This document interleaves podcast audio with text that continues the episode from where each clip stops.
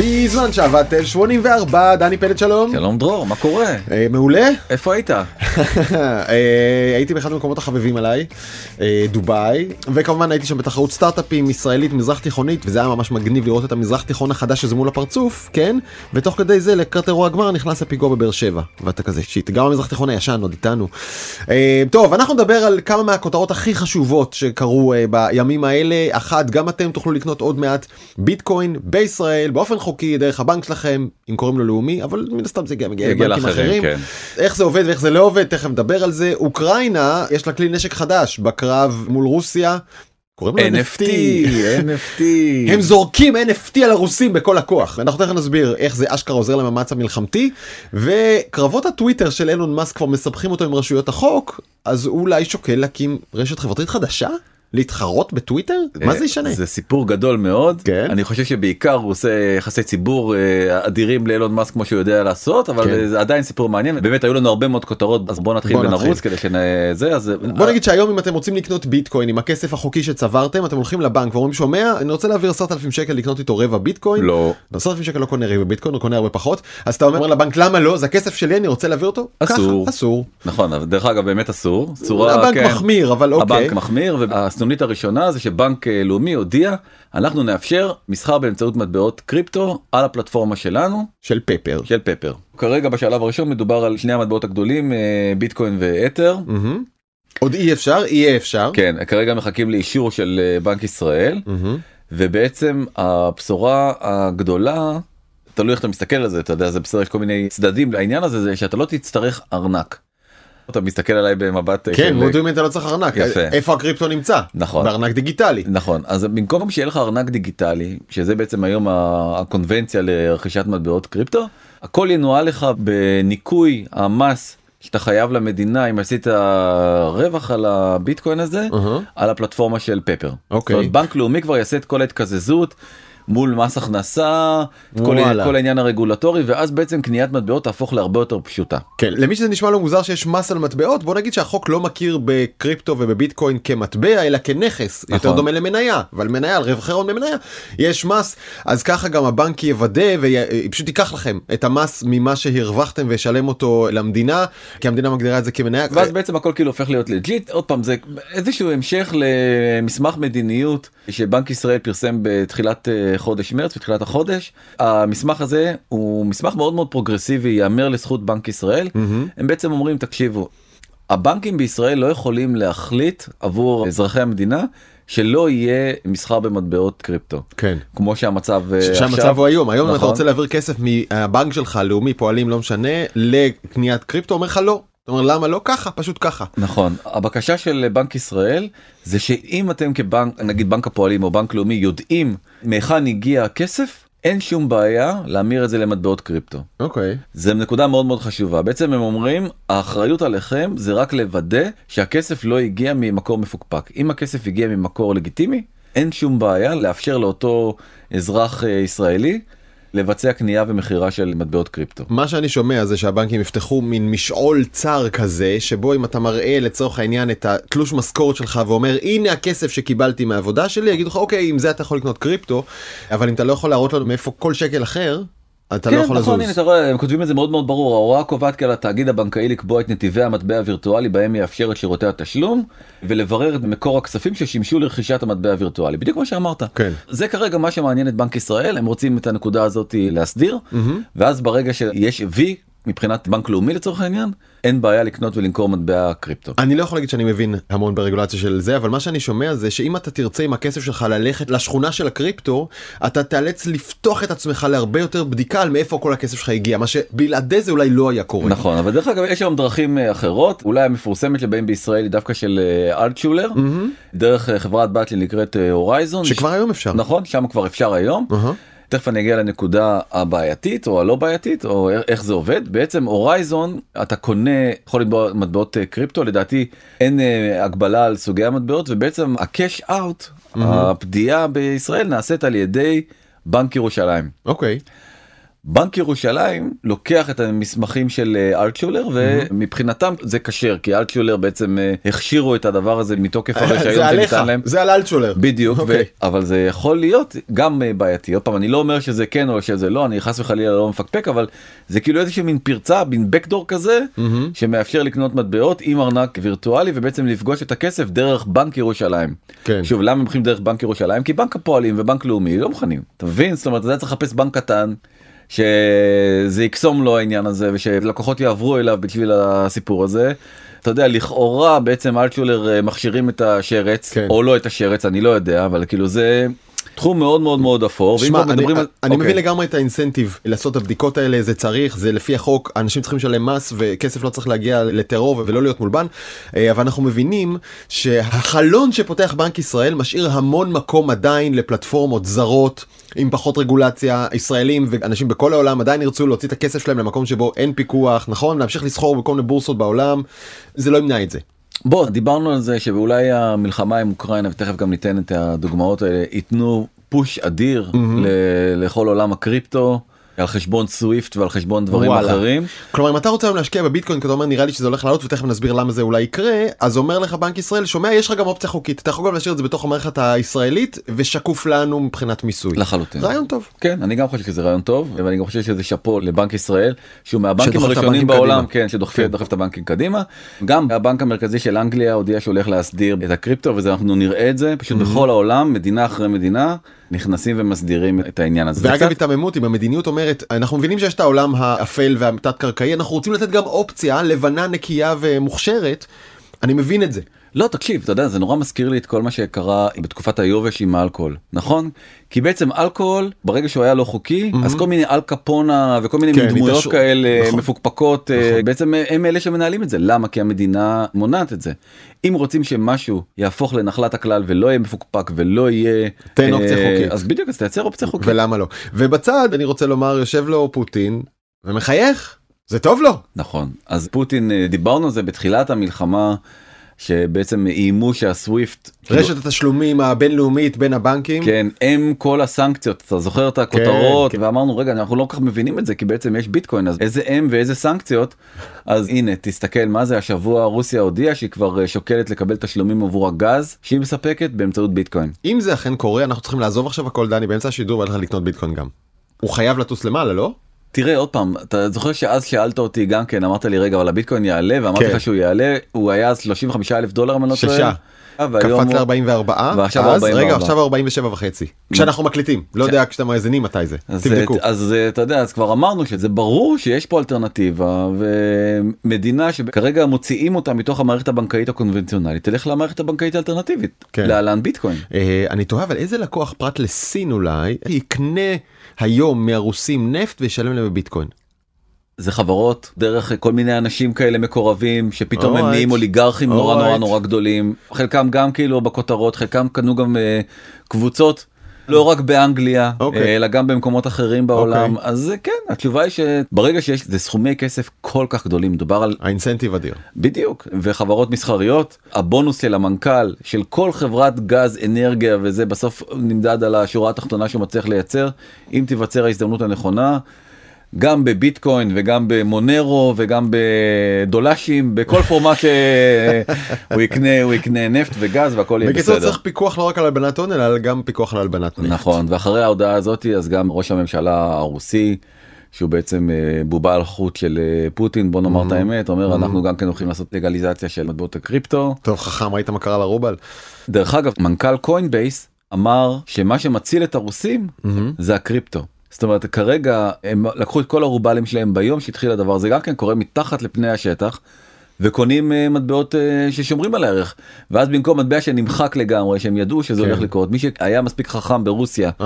להמיר ביום הראשון שהתחילה המלחמה את כל הרובלים שיש לו בחשבון הבנק לקריפטו ואז הוא לא צריך את הבנקים הוא לא צריך את סוורבנק ואת כל הבנקים הממשלתיים שלא נתנו למכור. אבל תשמע רגע תחשוב שנייה על 144 מיליון רוסים בסדר יאללה מיליון מתוכם בקריפטו יאללה חמישה מיליון מתוכם בקריפטו אבל יש לך אתה יודע 100 ומשהו מיליון איש חיים במחוזות זה מה הם ממירים לקריפטו והולכים קונים עם זה לחם ותפוח אדמה. דיברת על זה שבוע שעבר עם בן שתמיד אלה שמבינים את הדברים האלה לפני כולם הם אלה שעושים את הקופה הגדולה וכל השאר נדפקים זה תמיד ככה אתה יודע גם ב-NFT וגם בקריפטו וגם ב... אתה יודע, אז עכשיו כאילו שומעים אותנו ואומרים אוקיי יאללה נקנה ב-47 אלף דולר אז האם זה קנייה בטוחה אם זה יהיה 57 בחודש הבא? יכול להיות. אבל מי שקנה ב-200 דולר אה, ביטקוין היום הוא עשיר כמעט כמו וורן באפט כמו נכון. ג'ייסון פריד הזה שבשווי שלו שלו מוערך ב-30 מיליארד דולר. אבל עוד פעם אני אומר, אתה לא יכול לאכול ביטקוין. ואני לא יודע אם בכל עיירת מחוז רוסית מקבלים את זה במכולת, אני מניח שלא. עדיין אתה צריך שם רובלים. כן, I אבל- guess. בסדר. אוקיי. מעניין לעניין באותו עניין כן. אז בעצם רגע, אני חייב, שנייה, זה הולך להיות מטורף הסיפור הזה. כאילו, תעצרו שנייה, זה מטורף. כאילו שהסיפור עכשיו שהם הולכים למכור גז בביטקוין זה לא סיפור פסיכי, קונבנציונלי כן. זה לא זה ממש וש... אבל זה יותר מטורף. אז יאללה אז בוא נתחיל אוקראינה הודיעה שהיא הולכת לעשות מוזיאון שהמוזיאון הזה לוקח ומתעד את ציר הזמן מהמם. של אה, מלחמת אה, רוסיה אוקראינה. הם קוראים לזה מטה היסטורי UA זה בעצם השם של המוזיאון הזה. הם ביקשו מכל מיני אומנים אוקראינים הוא כבר קם. הוא כבר קם אתה יכול הוא, לכתוב הוא דיגיטלי. רגע, זה לא יאמן. תוך כדי שהמלחמה מתרחשת, המוזיאון שמתעד אותה כבר עובד. נכון הוא מתעדכן בזמן אמת. זה מין החלאה כזאת בין גלריית NFT לאתר חדשות למוזיאון. נכון וביקשו מאומנים אוקראינים בעצם לציין כל אה, אירוע בזמן נגיד ההכרזה על הפלישה הפלישה הכיבוש של כל מיני ערים וכן הלאה וכן הלאה כנקודות על ציר הזמן ואפשר לקנות את התמונות של האומנים. הכסף הזה ישמש לקניית ציוד רפואי ותחמושת. מה אמרת עכשיו? שהאוקראינים מאפשרים לכל העולם להשקיע במה שקרה לפני חמש דקות במלחמה, כלומר ב-NFT שמתעד את זה, כדי לממן את מה יקרה בעוד חמש דקות כן. במלחמה, בזמן אמת. בזמן אמת. אני חייב להגיד לך אבל שגם זה מטורף מצד אחד מצד שני אתה אומר מדינה כמו אוקראינה באמת המדינה הכי גדולה באירופה. אהה. זה מתחבר לי לעוד סיפור אחר שזלנסקי אה, נשיא אוקראינה עלה לזום ביחד עם אשטון קוצ'ר ועם אה, מילה קוניס שהיא בעצמה אוקראינית כן. אחרי שהם גייסו 35 מיליון דולר עבור אוקראינה והוא מנהל איתם שיחה. אתה אומר כאילו מה זה 35 מיליון דולר אתה יודע זה אה, המלאכייה זה כן, כלום כן. זה באמת זה טיפה בים זה כאילו לא. כן משהו כזה. האובססיה הזאת של האוקראינים בדיגיטל היא מתמיהה לא, בעיניי. אני- אני לא מסכים איתך. והאם לזלנסקי כאילו עכשיו הוא צריך לעלות לזום עם אה, אשטון קוצ'ר. לא יודע זה נורא נורא מוזר. או שזה מייצר איזה הייפ שמדינות רואות את זה ואומרות רגע הוא צודק. אני לא יודע כאילו. אני רואה את זה אחרת לגמרי. אוקיי. אני חושב שא' המלחמה הזאת היא במידה רבה מלחמה על התודעה וזה ברור והתודעה נעשית בדיגיטל וזה המלחמה שלהם. כרגע כשזלנסקי מדבר איתם זה הקרב של היום. הוא נלחם. ואנחנו רואים את זה גם המוזיאון הזה. זה עוד חזית של לחימה. מבחינתם לחימה זה לא לא חושב שזה כל כך בגלל בשביל הכסף כמו בשביל אשכרה לשנות תודעה של אנשים ואל תשכח שזה גם החזית שאנחנו נחשפים אליה. מתוך סדר היום של זלנסקי נחשפנו לארבע דקות. מה הוא עשה בכל שאר הדקות שלו? אני מניח שדברים אולי טיפה יותר אה, מטריאליים בעולמות של מלחמה והישרדות ולוגיסטיקה ובריאות. I, I guess, אני לא יודע. אבל אנחנו נחשפים לזה. אבל זה, זה מה שאני זה אומר. לא המאה אחוז של, של העיסוק אבל, שלו. אבל השאלה היא האם הארבע דקות האלה. ברור, מה- זה, מה זאת אומרת, זה כמו 20 דקות שהוא נאם בפרלמנט או בכנסת או באו"ם. בטח, ככה הוא מגיע לאומה אחרת לגמרי וחשובה לו פחות, או אומת הטוויטר. שמע, אין ספק שזה לא מלחמה כפי שהתרגלנו לתאר אותה, זה מלחמה מסוג חדש לגמרי, היא תשפיע על המלחמות מכאן והלאה, והאוקראינים מצליחים לנהל פה מערכה מדהימה, שרבע ממנה, או לא יודע כמה בעצם, נמצא בעולמות הדאטה והאינטרנט, שמעתי שטכנאי הרשת, הגיבורים האוקראינים היום זה לא רק הלוחמים, זה טכנאי רשת שיוצאים, אשכרה ככה מתארים את זה, לסכן את חייהם תחת אש כדי לתקן את הווי-פיי, כדי שבכל מקום באוקראינה יהיה אפשר לתעד את המלחמה ולהמשיך את המערכה על דעת הקהל. אני מסכים שזה חשוב אבל אני רק אומר בעיניי הזום הזה ל-35 מיליון דולר וכל הרעש הזה אתה עשה- מזלזל במספרים של הכסף, אה, אבל אה, זה לא רק בגלל הכסף, זה העיניים. יכול להיות. אם הייתי נשיא אוקראינה לא הייתי רוצה שיחשבו שזה מה שאני עושה בזמן הפנוי שלי מנהל שיחה עם סלבריטיז. זה נראה לי קצת לא יודע זה אני מבין, אוקיי, אני מבין מה אתה אומר. טוב בוא נדבר על הקופים שדיברנו עליהם בהרחבה בפרק שעבר. גם מדונה הודיעה שהיא מצטרפת לעניין הקופים אם כבר מדברים על NFT אז חייבים כאילו להזכיר את הסיפור הזה. והיא בחרה קוף שמאוד מאוד דומה לה בשנות ה-20 המוקדמות של חייה. אבל התמונה היה שם משהו שלא בא לה טוב הקופיף הזה יש לו סיגריה בפה וגם העיניים שלו כהות מדי והיא הכריזה על הדבר הזה ושיפצה את התמונה. שזה גם כן הזיה כי היא פשוט לא מבינה מה זה NFT כי ה-NFT זה בעצם התמונה המקורית. היא לא יכולה לקחת ולשנות אותה. אבל היא מדונה. אחלה שהיא מדונה מגניב יופי אבל בעצם מה שהיא רכשה זה את הקוף עם הסיגריה. הקוף. הזה עכשיו is touched by an angel. ממש. נגעה בו מדונה ועם האצבע היא מחקה לו את הסיגריה מהפה והיא הכחילה את עיניו. הוא אני- שווה ביותר. אני בטוח שמדונה לא יודעת לעשות ככה עם הזה ולהכחיל את. עיניו. לא כן. נראה לי שזה מה שהיא עשתה. שילמה כסף לאיזשהו. כמה השקיעה אה, בכל העסק הזה? איזה חצי מיליון כן דולר? חצי מיליון נכון. דולר. בסדר. רק להוסיף לכם משפט לשבוע שעבר שדיברת עם בן גם על רמי קליינשטיין אני חושב שהוא הוא כן תפס משהו נכון בעולם הזה של ה-NFT שהוא הפך את זה לא רק לכרטיס ולא רק להטבות אלא גם סוג של מועדון חברים שזה כמו ה-Bored Ape Yacht Club כן. גם ה-NFT של רמי קליינשטיין לא משנה מה אתם חושבים על רמי כרגע הוא באמת מנהל אותו כמו סוג של מועדון אתה יותר קרוב אליו אתה תקבל ממנו כל מיני perks כל מיני הטבות ותהיה איתו סוג של בקשר וזה מה שזה באמת אמור להיות זה סיבה למה לקנות את זה להרגיש שאני בחבר'ה. אז אני רק עוד פעם גילוי נאות זה חבר שלי עשה את הדבר הזה. כן. שמע את הפודקאסט אמר לי בוא אתה ממש לא הבנת אה? פשוט לא הבנת. איי, איי, איי. כן. אני עדיין עומד בדעתי כן. שהעניין הזה של הכרטיסים זה שימוש מאוד מאוד נכון ב-NFT אם אתה בעצם נכון, אה, ה-reselling. כן אם אתה רוצה לעשות כן. reselling ולהימנע מספסרות שם אני רואה בעצם את ה-use case הכי חזק לכרטיסים לא בזה שרמי קליינשטיין שיר לשיר לחופה כי כבר עוד פעם התחתנתי אני לא צריך לא רמי לא צריך תודה רבה לא רוצה שיר לחופה לא רוצה לשלם על זה 200 דולר רוצה ללכת להופעה של רמי קליינשטיין וליהנות בסבבה שלי זו דעתי כאילו עוד פעם אני גם אתה יודע יש אומנים נגיד אתה בא לך לבוא להופעה שלהם לא בא לך עכשיו להיות חבר שלהם. לא בא לי שעכשיו אני אהיה ב-club ביחד איתו לא רוצה להיות איתו על יאכטה עם חולצה מתנפנפת בזה עם בירה ביד לא רוצה. רוצה ללכת לשוני לראות הופעה לחזור הביתה תודה רבה שלום. זה לא לגיטימי לגיטימי מאוד. תודה רבה. אוקיי, יאללה. סבבה אז בוא נדבר. על אילון מאסק. נראה לי שעכשיו עם היעדרו של טראמפ הפך להיות השליט הבלתי מעורער של-. של אה, ממלכת אה, טוויטר. לקחתי נתונים שהיו עד סוף רבעון ראשון שעמדו על 75 מיליון עוקבים סליחה. כן.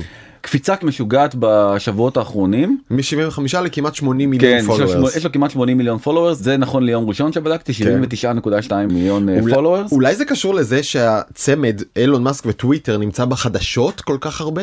בטוח. בטוח. אם יש לך טוויטר אתה בטוח עוקב אחריו ברור, לא? ברור. נכון? כן. לטוויטר נדמה לי יש איזה 300 מיליון אה, עוקבים. יותר אפילו יוזרים, כן? אה, לא כאילו הדאו שלהם זה, כן, אוקיי. זה, זה 300 מיליון אם אני לא טועה. זה 80 אז זה אתה יודע זה בערך כל אה, עוקב אה, רביעי. וואו, בעולם. בעולם. כל אדם רביעי בעולם כשהוא בטוויטר עוקב אחריו. די יפה.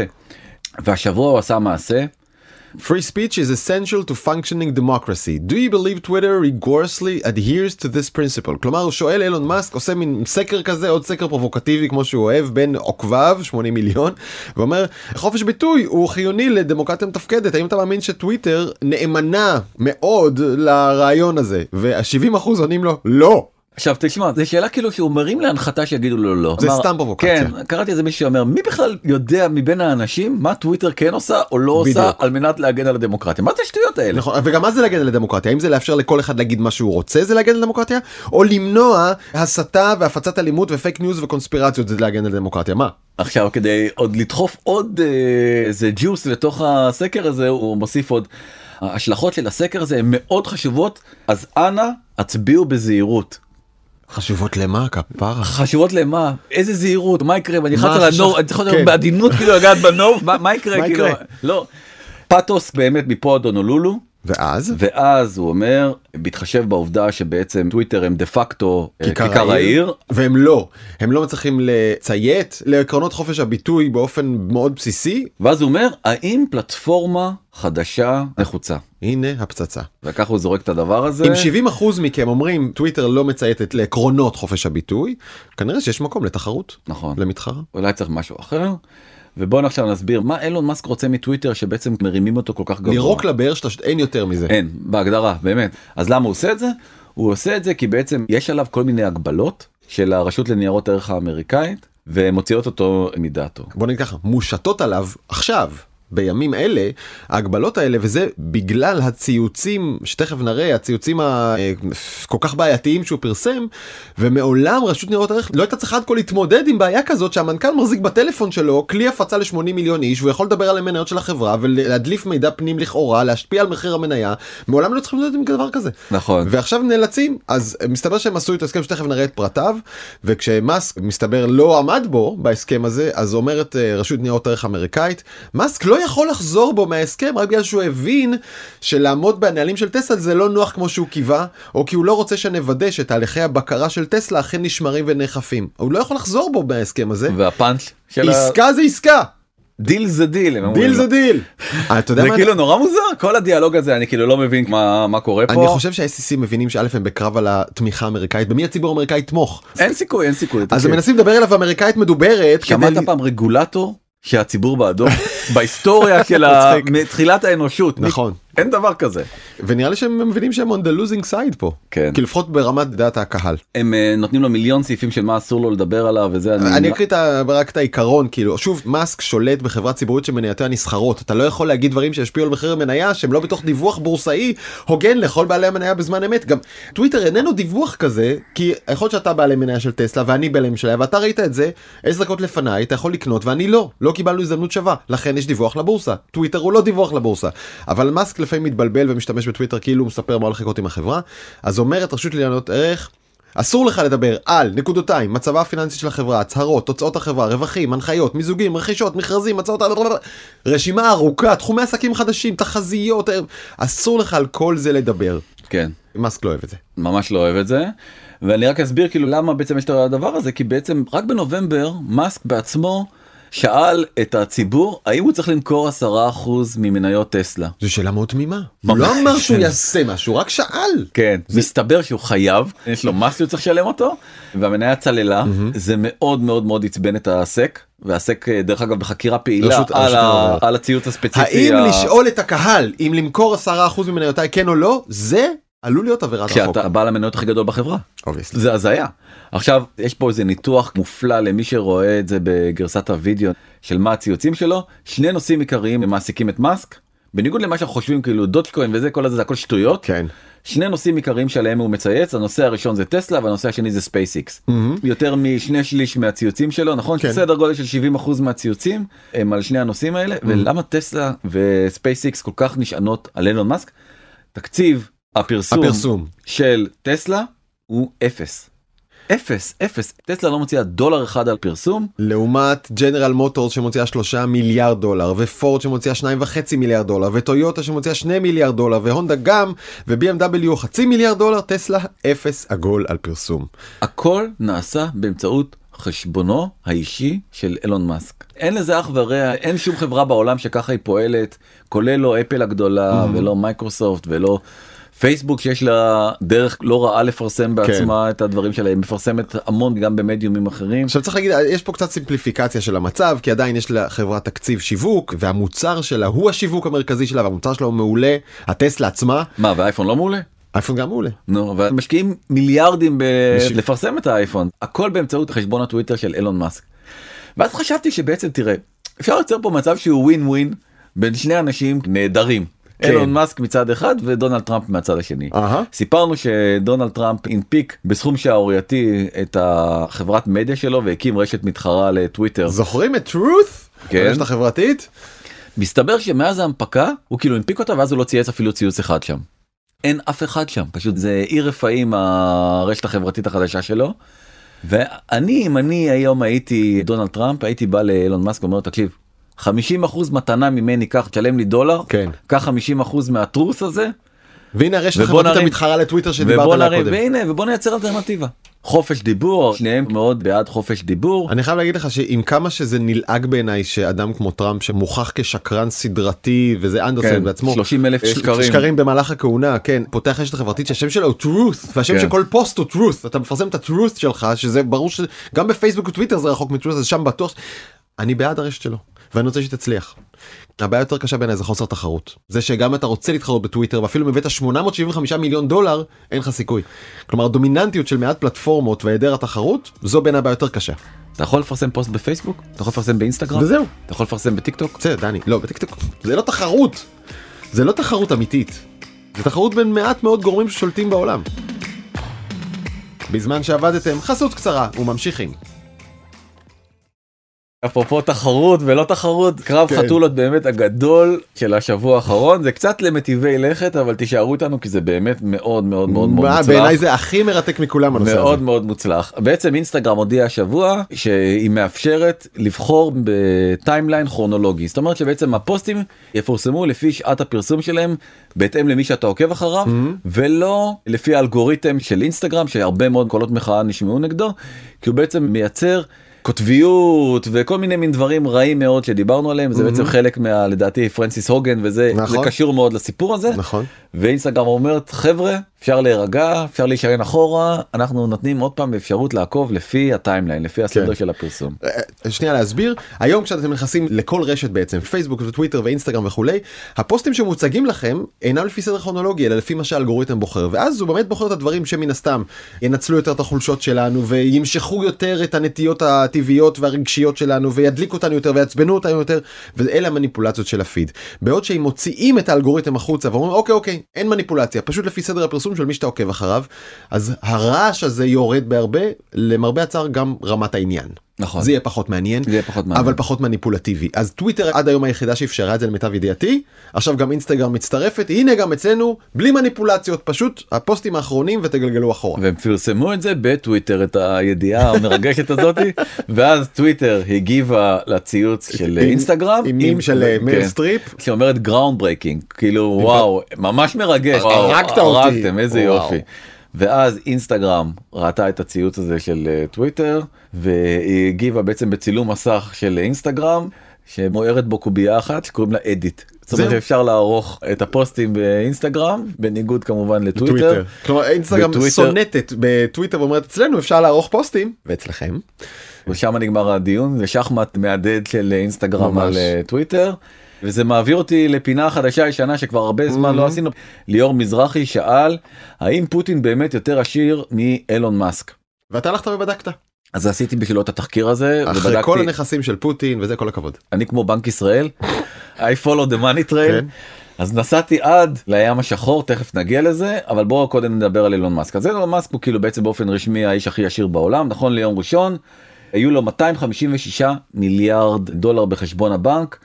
זה בפער- רבע בפער- גזיליון דולרים. כן נכון? זה בפער עצום כאילו מכל האחרים באמת וורן באפט הוא עם 130 מיליארד דולר במקום החמישי מיד אחריו זה ג'ף בזוס עם 190 מיליארד דולר זה פער באמת עצום מהמם. מהמקום הראשון למקום השני ופוטין כמובן לא ברשימה בכלל כן. אבל מה זה אומר? כי מה נכון. יודעים על הנכסים שלו? נכון ובעצם צילומי רחפן שריחף לו מעל ה- הים השחור וואו. גילה שיש לו את המנשן הכי מטורף באמת על הפלנטה כן. שמוערך בשווי של 1.4 מיליארד דולר. זה- תגיד זה- לי, למי יש ביצים להרים רחפן מעל המנשן של פוטין? באלוהים, כן, נכון? כאילו, לגמרי. וואו. כן, אבל. כמובן שאומר שזה לא שלו, אז של מי זה? זה כאילו רשום תחת הקרמלין. וואלה, כן. אבל אני אומר, אתה הרמת רחפן בשביל לצלם את הנכס של פוטין? כאילו, כן, לא. מן, תברח. לקחת נכון. התמונה, עזוב את הרחפן, תברח. אז זה נכס אחד, בית ששווה 1.4 מיליארד דולר. זה בכלל כאילו זה מס... אני חושב שאתה קונה את כל בבלי כן. בפחות, את כל לב העיר בפחות, כאילו כן. זה באמת מספר לא נתפס. חוץ מזה יש לו גם איזה דירה. בחמישה מיליון דולר במונקו זה לא כזה מדהים כאילו כן. יש בתל אביב דירות יותר אה, יקרות. אבל הסיבה שאומרים את זה זה בגלל הבחור הזה שנקרא ביל בראודר שהוא מנהל קרן גידור והוא היה לו הרבה מאוד עסקים עם רוסיה והוא העיד בפני הקונגרס האמריקאי שבעצם פוטין באופן שיטתי לוקח מעשר מכל עסקי הנפט הגלובליים של רוסיה זאת אומרת חברות הנפט הרוסיות מוכרות בכל העולם את הנפט הרוסי והוא לוקח מעשר מזה פרטי. כן פרטי הוא לקח להערכתו 200 מיליארד דולר בשמונה שנים.